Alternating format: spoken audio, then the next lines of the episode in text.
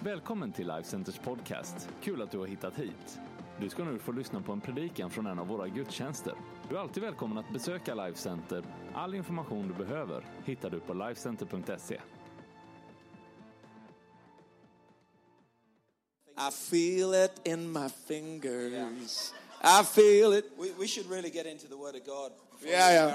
Hey, friends, let's give him a big hand. Hey, why don't you stay on your feet? So um, it is. I, I, love the cold. My wife is in Sydney at the moment, so she she is in plus thirty six degrees, and I have been in minus twenty seven degrees. So respectively, we're both in our heavens. We're just not together in heaven. So I, I think, uh, but I love your pastors. They are incredible, and uh, we have my wife and I have been friends with them, as we've said, for quite a few years. And the problem is, is that very often when we become familiar, we have a saying. I don't know if it's the same in Sweden. Familiarity breeds contempt. But actually, I don't think that's always true. I think familiarity breeds indifference. And we can become indifferent to what we have. And uh, you guys have incredible pastors who have incredible hearts to see this area changed. And uh, I'm fully believing that that's what's going to happen. But I am the husband of one wife. One wife is definitely enough. Uh, I am the father of three children, which is one more than enough. I just don't tell them which one is too much. But uh, I love my church. And my wife and I planted, uh, as it was, Newcastle Christian Life Centre 12 years ago. And we've grown and we've built the church. And then two years ago, as you know, we became Hillsong Newcastle. And when I speak to a church, I speak what I would want to hear. And because most of my life I've spent being where you are. Uh, I was a social worker, a social work manager, did child protection, worked with offenders, all of that stuff. Started out as an engineer, and I just sat and I learned uh, everything that I did. I took what I learned in church and put in place in my workplace, and that's how it helped me. So when I speak, if it's okay, firstly, I, I speak what I want to hear. Uh, but secondly, when I'm speaking to you, can I speak as if you're my church? Because I'm not a traveling preacher who crafts one message for every single church that I go to. Uh, I try and craft a message to help the church grow as my church. So I'm going to speak to you as if you're my church. Is that okay? Right now, I've got an agreement. Uh, it's your fault, if that's okay. Hey, let's pray.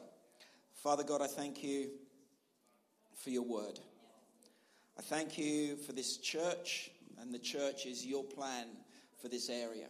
You have no second plan. So, God, I pray that what we learn together today, what we learn of you, what we learn of ourselves, God, I pray that won't be kept in these walls, but will be taken into our workplace, into our universities, into our families. And I pray for those that don't know you. God, I pray that they will be drawn to you. Pray for those that have maybe gone away from you. God, that they will step back into relationship with you in the name of Jesus.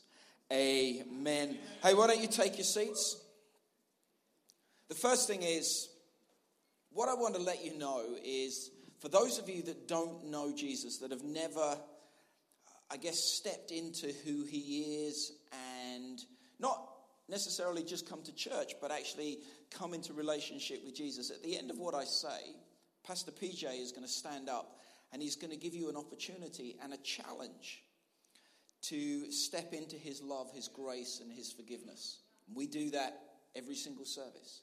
So if you're a guest here with us, you need to know that that's going to happen at the end. Or maybe you're here and you're you've made a decision like this before, but a bit like the prodigal son, you've gone your own way. You know, in 2 Samuel 14 14, it says this that God devises ways to bring the exile home. So you're not here by chance. You're not here because you've, you've just woken up and thought, oh, I'll end up in church.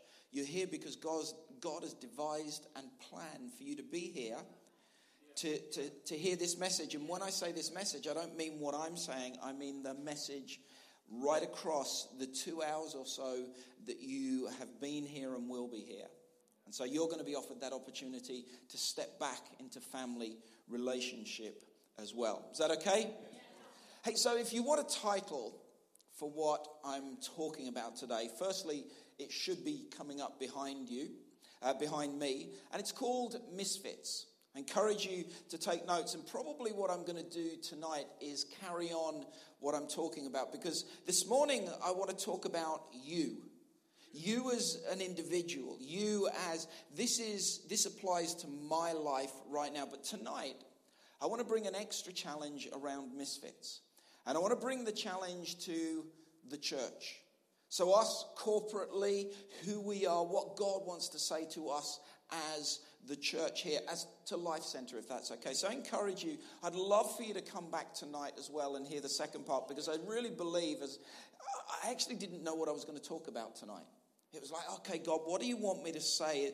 I've got a couple of messages that I've just developed uh, for my home church and spoken there. Is it that one that you want to preach? And I just, as I've been talking with the team, it's like, no, no, I'm going to preach the second part of this misfits message, if that's okay. So, a misfit is someone that doesn't fit in really simply. Someone that, that is actually, their behavior or their attitude sets them outside of the group, sets them away from others, and, and often in an uncomfortable or a conspicuous way, a way that makes them or you stand out from the group. On the 15th of October 1988, I met one particular misfit. He'd actually grown up and he was quite a shy young person, and, and he had a younger brother. I don't know if you've ever experienced this, but I have to deal with this. He's got a younger brother. I have a younger brother. And his younger brother outshone him in every area of life. My brother, my younger brother, is Jay Cook, and Jay Cook heads up the whole of the worship team. He took over from Reuben Morgan and heads up the whole of worship team for the UK. He's always off traveling. Uh, he got the talent, I got the height. It's pretty much how it worked in my family. He's about this big, uh, and I'm obviously this tall. But this, this young man that I met, uh, he was a bit older than me and still is, but he was a, he was a shy person and outshone in all the sports that he chose by his younger brother. He was a bit of a loner as well, and he used to pick up stray animals and bring them home. Eventually, he actually picked a non team sport because he just didn't want to be around people. And this young man, as well, was subject to what we would call periods of despondency. You could even, even maybe say that he, he, he stepped into depression a bit. But then he actually went on to lead one of the most successful and one of the largest youth groups of its time in Australia. This, this young man was really, he was very much an introvert. So he wasn't one of those out there, yeah, come on, people, and he still isn't. This young man then went on to be my pastor and grow the largest church in the UK, which is Hillsong London, Pastor Gary Clarke. You may look and you may have seen him and may have seen videos and, and think, how could that be the same young man? The, the introvert, the, the, the guy that goes through depression and, and stuff like that. But that's who he was. He was a misfit. And actually, for me, it's a bit like the story of my life. I don't know about you, but I often feel like a misfit, someone that sits outside the crowd. I, am that person in the party that stands in the corner, pretending. No one here would do this, obviously. Or you go to you go to church and you stand there and you pretend to be on your phone. I've just had about 20 WhatsApp messages come through, so there is actually a lot for me to read. But but you know, you're in the room and you you're a bit uncomfortable, so you I'll look at something, I'll read the news, I'll read anything apart from have to talk to people. None of you are like that then. Yeah, I bet. But that's, that's the story of my life. The worst minute of church is when you have to turn around and say hello to someone. Yeah, it's so uncomfortable. I hate it with a passion, but I still do it in church. Because if I'm feeling uncomfortable, I'm going to make sure that everyone else feels uncomfortable too. It's good. Some of you, it's easy. Some of you just, you know, you're like, hey, good to see you. You, you bounce into a room. Hello! Whereas me, I'm like, you good? It's great. Nice to meet you. And it, when you're a guest preacher, it's awesome because someone walks in in front of you and prepares the way and just moves people out the way for you. It's great. You don't have to have eye contact with anyone. But I feel like a misfit. There's a word in English, and it's called, it's, the word is mingling. I don't know if you've ever heard of it, but it's just the worst word on the face of the planet. It's where you have to make small talk with people. Uh, but the, the, the making small talk is not the difficult bit. Have you noticed? It's getting away that's the difficult bit, isn't it? It's like, hey, how you doing? Good to see you in church. Got to go to the toilet. And that, that's, that's how I feel. I feel a misfit. You know, my age as well in my church, I, I'm, I'm 50, 50 years old, and I have a church. It's not all young people, but like here, it, it's mainly, and, and there's a lot of young people around. And so sometimes, even in my own church, I feel like a misfit. And then I go to London. I walk into the staff room in, in London when we have a staff meeting, and there's about 120 of us in Hillsong, and they're all 12 years old. I look at them and go, You're not even out of school yet. How do you manage to get on staff at Hillsong? And then I have a 12 year old telling me what to do. How does that work? And I feel on the edge. You know, I, I, grew up, as, as you heard, in Canada and was actually born in England and moved to Canada at 18 months old. So I grew up playing ice hockey. And then I came back to England and, uh, and went to a football school. Well, football and ice hockey are completely different. I didn't have a clue how to play football, and I, I was rubbish at football. And being rubbish at football in a football school sets you apart from everyone else. You know, for many years, I felt like I'd missed the call of God on my life. You know, people had said things about me, oh, you're going to be a leader. And, and for many years, it just, that wasn't me. I, I didn't know what to do with that. And, and I sat on the edge of everything. And I went through myself periods of despondency and depression and insecurity and inadequacy. You know, it's often easy to feel misunderstood, isn't it?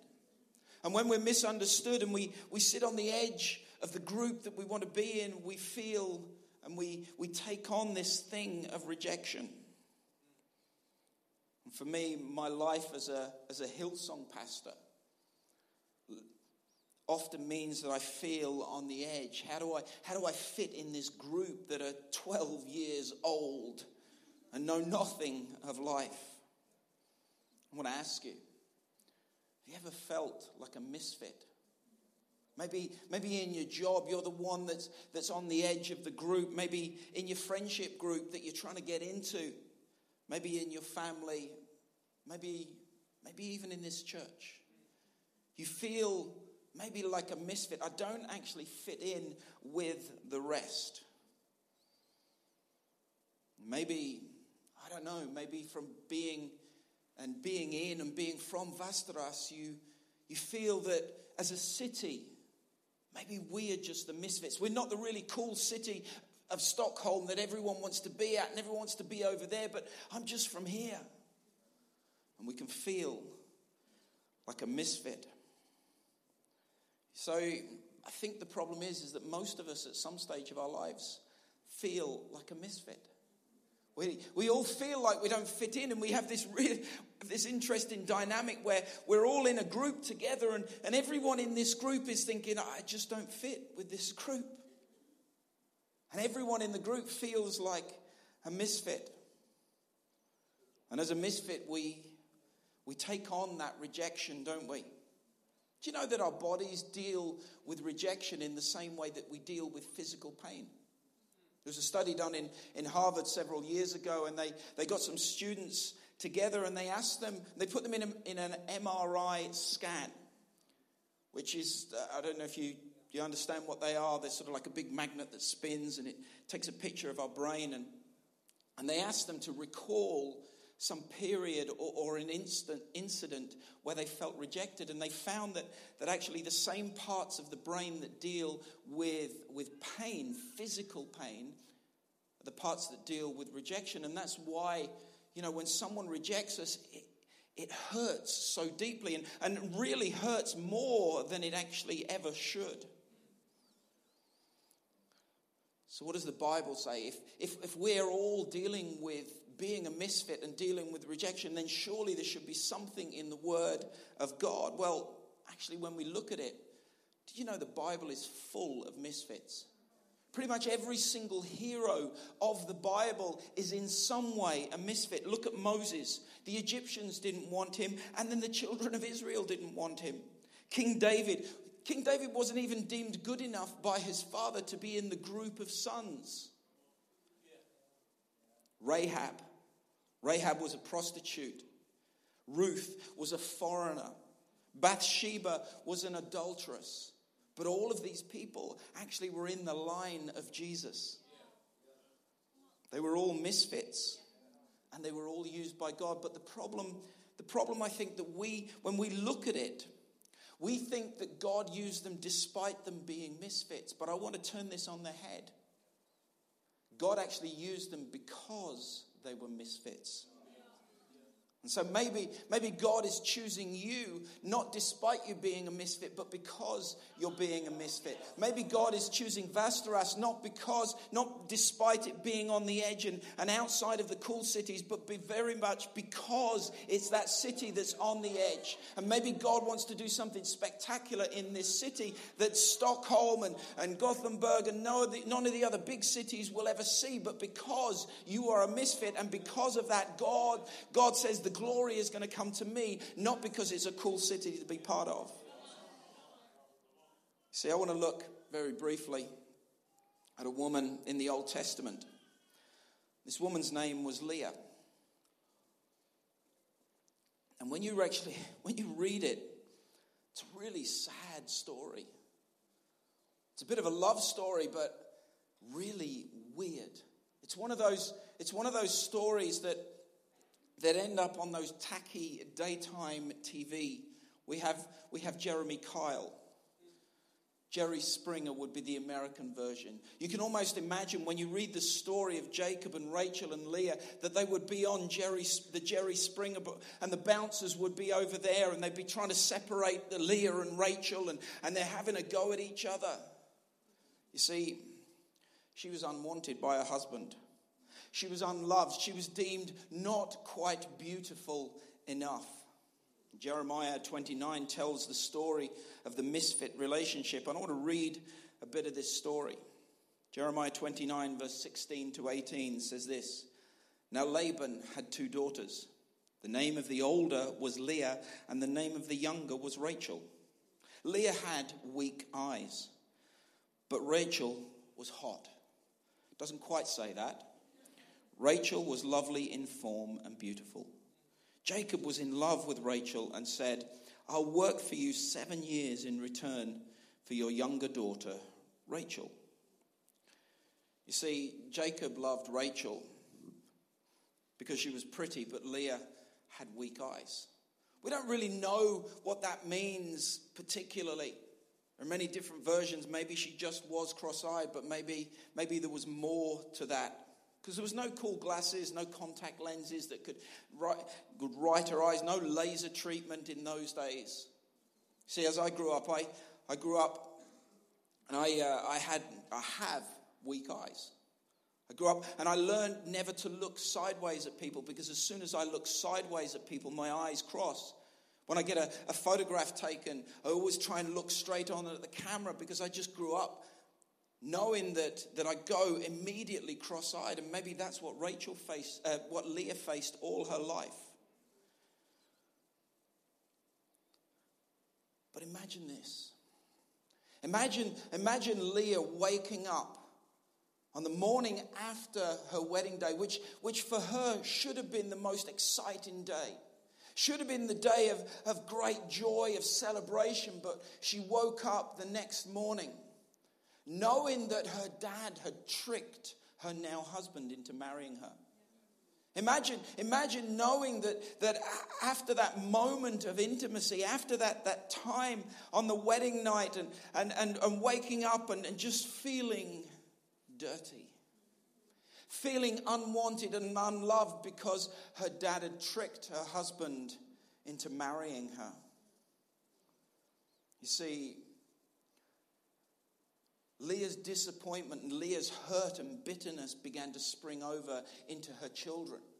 It wasn't just, she didn't just hold on to being a misfit, she actually began to name her children, stating her disappointment. You know, in those days, you didn't just pick a name for a child, you actually spoke something over that child's life. When we, we, we have three children, and each of them, yes, we, we picked a name that we liked, but we actually picked a name that meant something, that spoke something over that child's life. Genesis 29, again, verse 31 to 35, tells a bit of that story. When the Lord saw that Leah was not loved, he opened her womb, but Rachel was barren. Leah became pregnant and gave birth to her son. She named him Reuben, for she said, It is because the Lord has seen my misery. Surely, read this, surely my husband will love me now. You can, you can sense the hurt and the, the anguish and the, the, the despondency in that one sentence. Surely my husband will love me now. She conceived again, and when she gave birth to a son, she said, Because the Lord heard that I am not loved. You see, the first one was, Surely my husband will love me. The second one was, God's seen that I'm not loved. He gave me this one, and she named him Simeon. And again she conceived, and when she gave birth to a son, she said, Now at last my husband will become attached to me because I have borne him three sons. She was still naming her children after her disappointment. How incredible is, is that? Is that, that, that she, was, she was speaking something over, speaking something out of her life over her children. So she named him Levi. She conceived again. And when she gave birth to a son, she said, This time, see, this, this son was different. This time, I will praise the Lord. So she named him Judah. It's the name of our son. Then she stopped having children. You see, Leah named three, the first three sons, in regards to her misfit, how she felt her rejection, her lack of love, reinforcing and reflecting her own emotions and her lack of relationship with her husband. But then, then something changed. You see, somewhere between the third and the fourth son, her perspective changed. The first three sons, it was always about my, my lack of relationship. You see, her circumstances didn't change. Her husband didn't, didn't suddenly start loving her between, between Levi and between Judah because Jacob always loved Rachel and didn't love Leah. Leah was the misfit. She didn't suddenly stop becoming a misfit, but she changed her perspective. She took her eyes off her own circumstances and said, This time I will praise the Lord. This time I'm going to take my eyes off my circumstances. I'm actually going to place them on God. And I'm, in reflection of that, I'm going to change, I'm going to change how I see my children. And when I look at Judah, I'm going to know that the, my eyes have been changed. My perspective has been lifted. You see, the woman didn't fit and she wasn't loved. But God actually chose her for the very fact that she wasn't loved and that she didn't fit. You see, King David actually came from the line of Judah. From the moment that Leah took her eyes off herself and placed them on God, God said, Now I can use you. And it wasn't that God didn't love the other children because they were part of the tribes. Levi was the priesthood. But God said, There's something about this child. When you've, Leah, when you take your eyes off yourself and you place them on me, now I'm going to use Judah to bring my son into place. King David was from the line and the tribe of Judah. God gave her more kids because she was unloved. And, and, and from Leah was really where the, the bulk of the tribe, of, of the uh, children of Israel came. God chose her because she was a misfit. Let me say, God does the same for you. As we go through to the, the New Testament, 1 Corinthians 1 26 to 29 says this Brothers, think of what you were when you were called. Not many of you were wise by human standards. Not many were influential, not many of noble birth. A lot like Pastor PJ. Not a lot of wisdom. Not much going for him, really. He's got a great skidoo, though, so we'll let him have that. You see, not many were influential, not many were wise by human standards, not many were of noble birth, but God chose the foolish things. Again, a lot like Pastor PJ. God chose the foolish things of the world to shame the wise. God chose the weak things of the world to shame the strong. He chose the lowly things of this world and the despised things and the things that are not to nullify the things that are, so that no one may boast before him. See, God chose the foolish things to confound the wise. He chose those that are looked on as nothing, those people that the rest of society disregards. Maybe, maybe you're a misfit because of the way you feel, or maybe you're a misfit because you you have been pushed out to the side. You see, God's choosing you. Not despite the fact that you're a misfit, but, but the very fact that you, you are a misfit is what places you. People place you outside of their group, but in placing you outside of their group, that actually places you inside God's group, the very people that God chooses. You see, God chooses the inadequate. He choose, chooses those, those of us that, are, that feel inadequate because of a lack of skills or talents. We're, we're just unqualified. Maybe, maybe you're inadequate because of sin, sin that has been done to you, or sin that you have perpetuated yourself. You see, we're unworthy. God chooses the unqualified and the unworthy. Or maybe it's because there's a lack of social qualities. You don't know how to fit, you don't quite know how to do that, that two minute mingling, and it's, the, it's hell on earth for you because you don't know how to talk to people. Maybe, maybe you're unaccepted. See, the thing is, God chooses the unqualified, the unworthy, and the unaccepted, not because of who you are, but because of who He is. Maybe like Leah You've carried that label that makes you a misfit and has caused you to be rejected. See, that's the very thing that God chooses to help you fit in. The thing that, that you think, I, I just don't fit in because of that. God saying, No, no, no, that's the very thing that I'm choosing you because of. Maybe it's your personality or your ethnicity that makes you feel like a misfit. Let me tell you, that is the very thing that this church needs. Whatever sets you, whatever you feel sets you outside, God's saying that's what this church needs. You, you think it's the thing that puts you outside, but it's the very thing that this church needs to put you inside.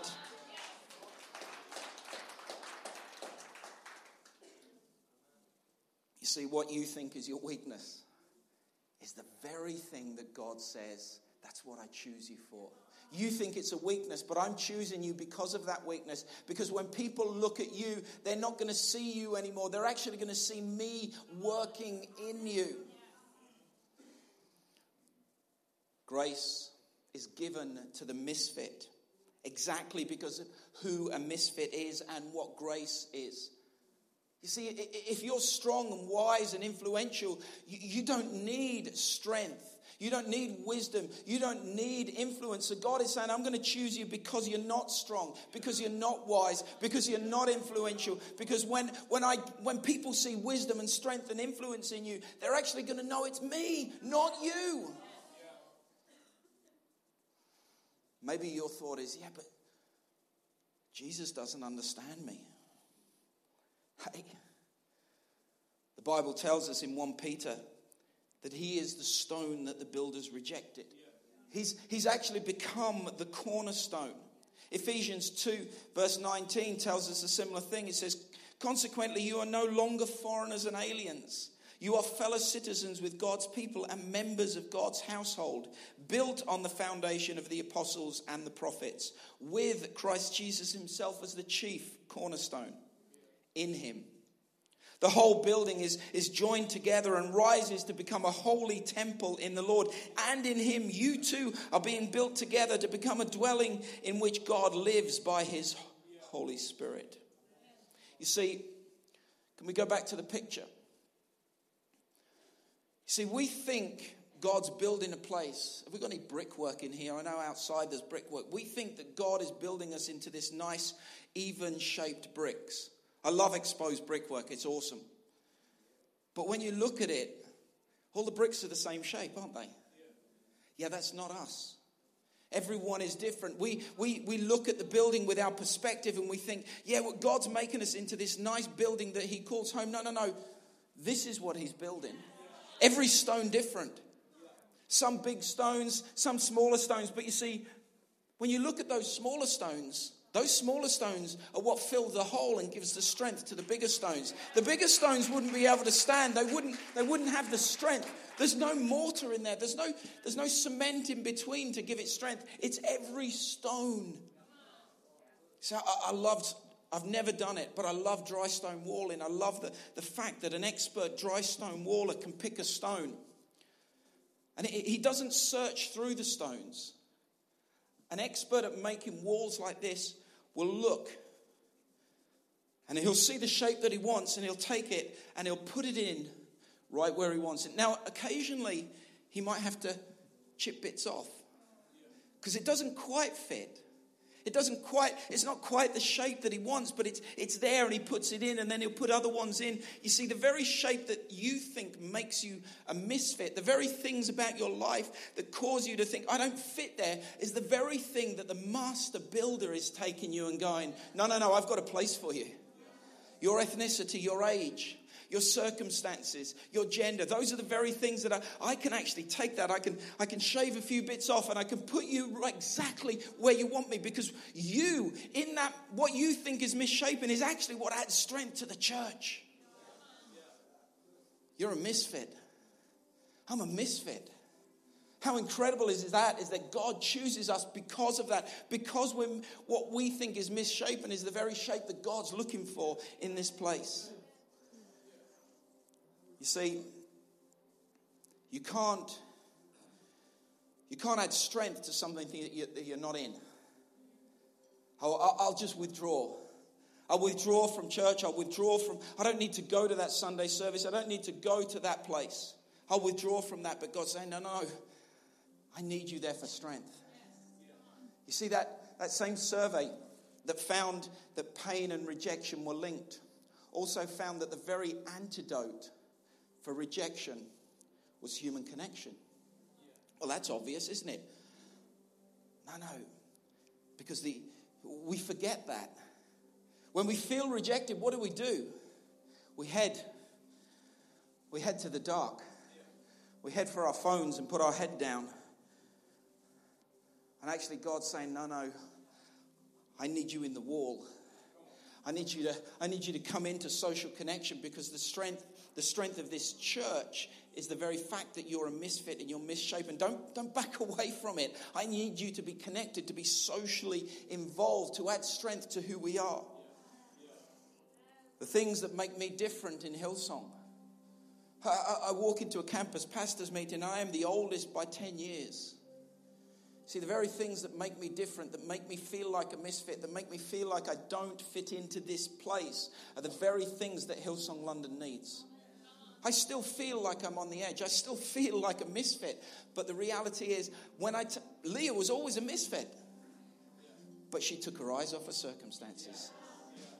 It didn't stop her being a misfit, but she took her eyes off her circumstances, placed them on God. She bore a son and named him Judah. Praise. The fact that you're a misfit is that God saying to you, I can use you. You see, I want us to imagine if we the church, across, across this city began to carry our weight of rejection and being a misfit and opened our arms and became the antidote to rejection. We didn't, we didn't push ourselves further to the side, we actually stepped into where it hurts. I don't deny it hurts being in the middle because you, you actually feel more of, a, of a, a, misfit. You feel more misshapen, but God is saying, No, no, I need you here. Imagine if we, the church, began to carry that. And just like Jesus, we, the rejected, welcome and accept the rejected, the misfits. You see, the church was never meant to be a place of laws and exclusivity. We are meant to be a place of grace, acceptance, a place of soul formation. We need to be the antidote to rejection, connecting people to God and connecting people to each other. We welcome home the misfits.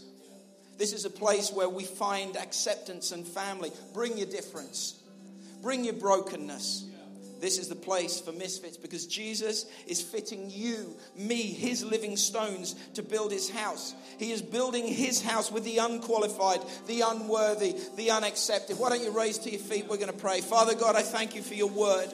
And God, I pray for every person in this place that feels, yeah, I'm a misfit. I don't fit in this place. God, I pray that you that they will know at this moment that you are choosing them. You are choosing them to show your strength your influence, your wisdom. I pray for those that don't know you. God, I pray that they will step into that place of acceptance and grace with you in the name of Jesus.